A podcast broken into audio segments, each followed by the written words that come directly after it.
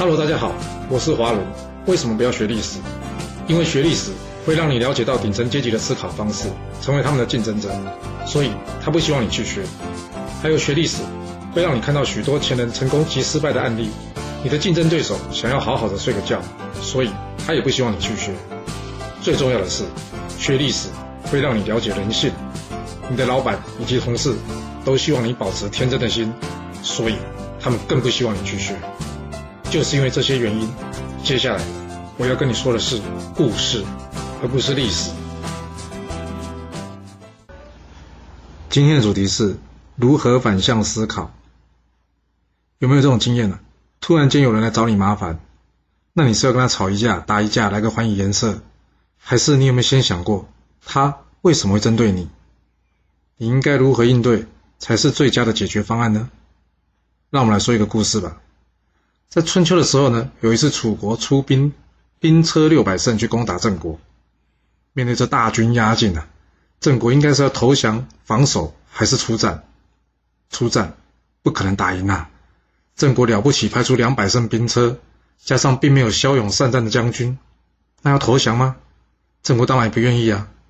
最后他们决定了要拼死防守，并且赶紧派人向齐国求援。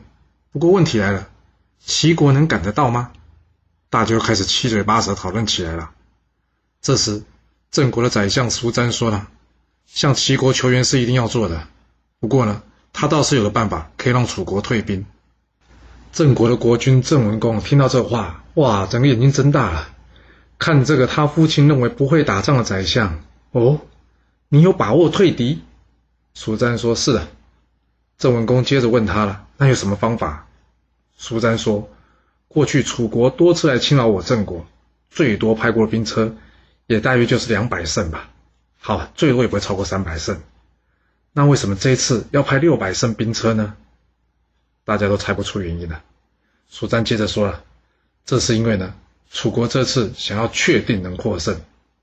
这话听起来没问题啊，难道有人出兵会希望打败吗？”苏詹接着再说了：“我的消息显示。”公子元这次出兵呢，是想要讨好国内的桃花夫人，他想要在这桃花夫人面前呢逞威风的，所以呢，他想要百分之百能确定获胜。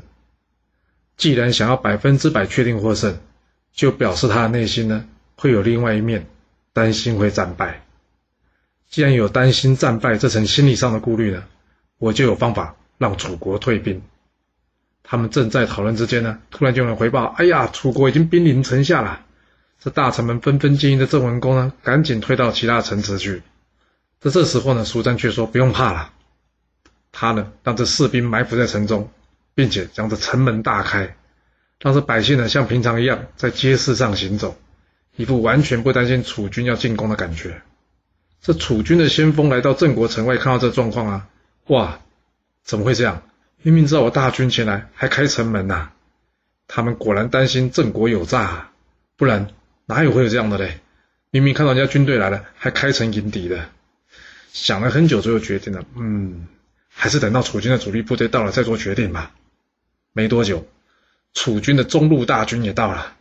听完先锋的报告之后呢，楚军的主将公子元亲自到高处查看郑国的状况。他一看，哇，郑国军纪森严啊，军容整齐。唯一奇怪是这城门大开啊。他想，嗯。中间一定有诈，他率领大军前来，若是还战败回去，这脸不就丢大了吗？在经过一阵子犹豫之后，他下令先去打听一下郑国的虚实，再决定如何进攻吧。就在这等待的期间呢，后方的队伍突然间回报啊，报告齐、宋、鲁三国的诸侯联军来救郑国了。哇，这公子云一听到大吃一惊啊，糟糕，若是被他们夹击，我们就危险了。哎呀，还好我们前面已经攻下几个地方了，也可以说是大获全胜啊。这是他安慰自己的说法。于是呢，下令所有人连夜撤退。这一场原先看起来是楚国必胜的战争啊，结果楚国却落着夹着尾巴撤退了。关键在哪？关键就在于郑国的宰相苏詹，他清楚判断了楚国主将能力不足，还想要赢得胜利。不过想要运用这个故事呢，你就必须跟蜀詹一样。清楚的了解自己的对手，不然随便大开城门，可能会导致国家加速的灭亡啊。生活中、职场上，像楚国主将公子元的人还真是不少呢。自己能力不够，但是呢，仰仗着有人脉或是有公司的资源，天天耍嘴皮子挖苦人，或是对人进行霸凌。其实讲穿了，就是你的存在威胁到他了，他的自卑感驱使他想要先下手为强来打击你。你可以选择离开这家公司，或是表现出臣服于他，让他放心。当然，也可以投其所好变成朋友，也或者是利用他的上司，或是利用他的把柄来制服他。还是选择根本不理会他，这也是一种做法。我们或许无法像苏詹一样优雅的退敌，毕竟当时郑国可是有齐国这样的盟友做靠山，苏詹才敢这么做。不过遇到这样的问题呢，我们得试图站在对方的立场去了解他，他喜欢什么，担心什么，害怕什么，这样我们才有机会用从容的态度去计划、面对，并且处理对方的打击。有时候冷静的面对。反而可以让对方不知所措而乱了手脚。千万不要尝试从表面去思考对方打击你的这个问题，就好像是这件事不是我做的，这件事一定是对方乱说的。这样子的处理方式呢，无法解决你的问题。你要的是冷静的思考对方打击你的真正原因，还有他担心、害怕或者想要得到什么东西。记住，要从他的角度来看，不是你觉得怎么样。比方说，你觉得你是新人，东西不熟，又不会影响他的地位。但是你不知道是，从他的角度来看，你的薪水跟他差不多，你的学习能力比他强，态度比他认真，他很担心，老板就是要用你来取代他。那你说他该不该打击你呢？反向思考，才有办法了解问题的根源，也唯有这样，才能帮助你有机会真正的去解决问题。你说是吧？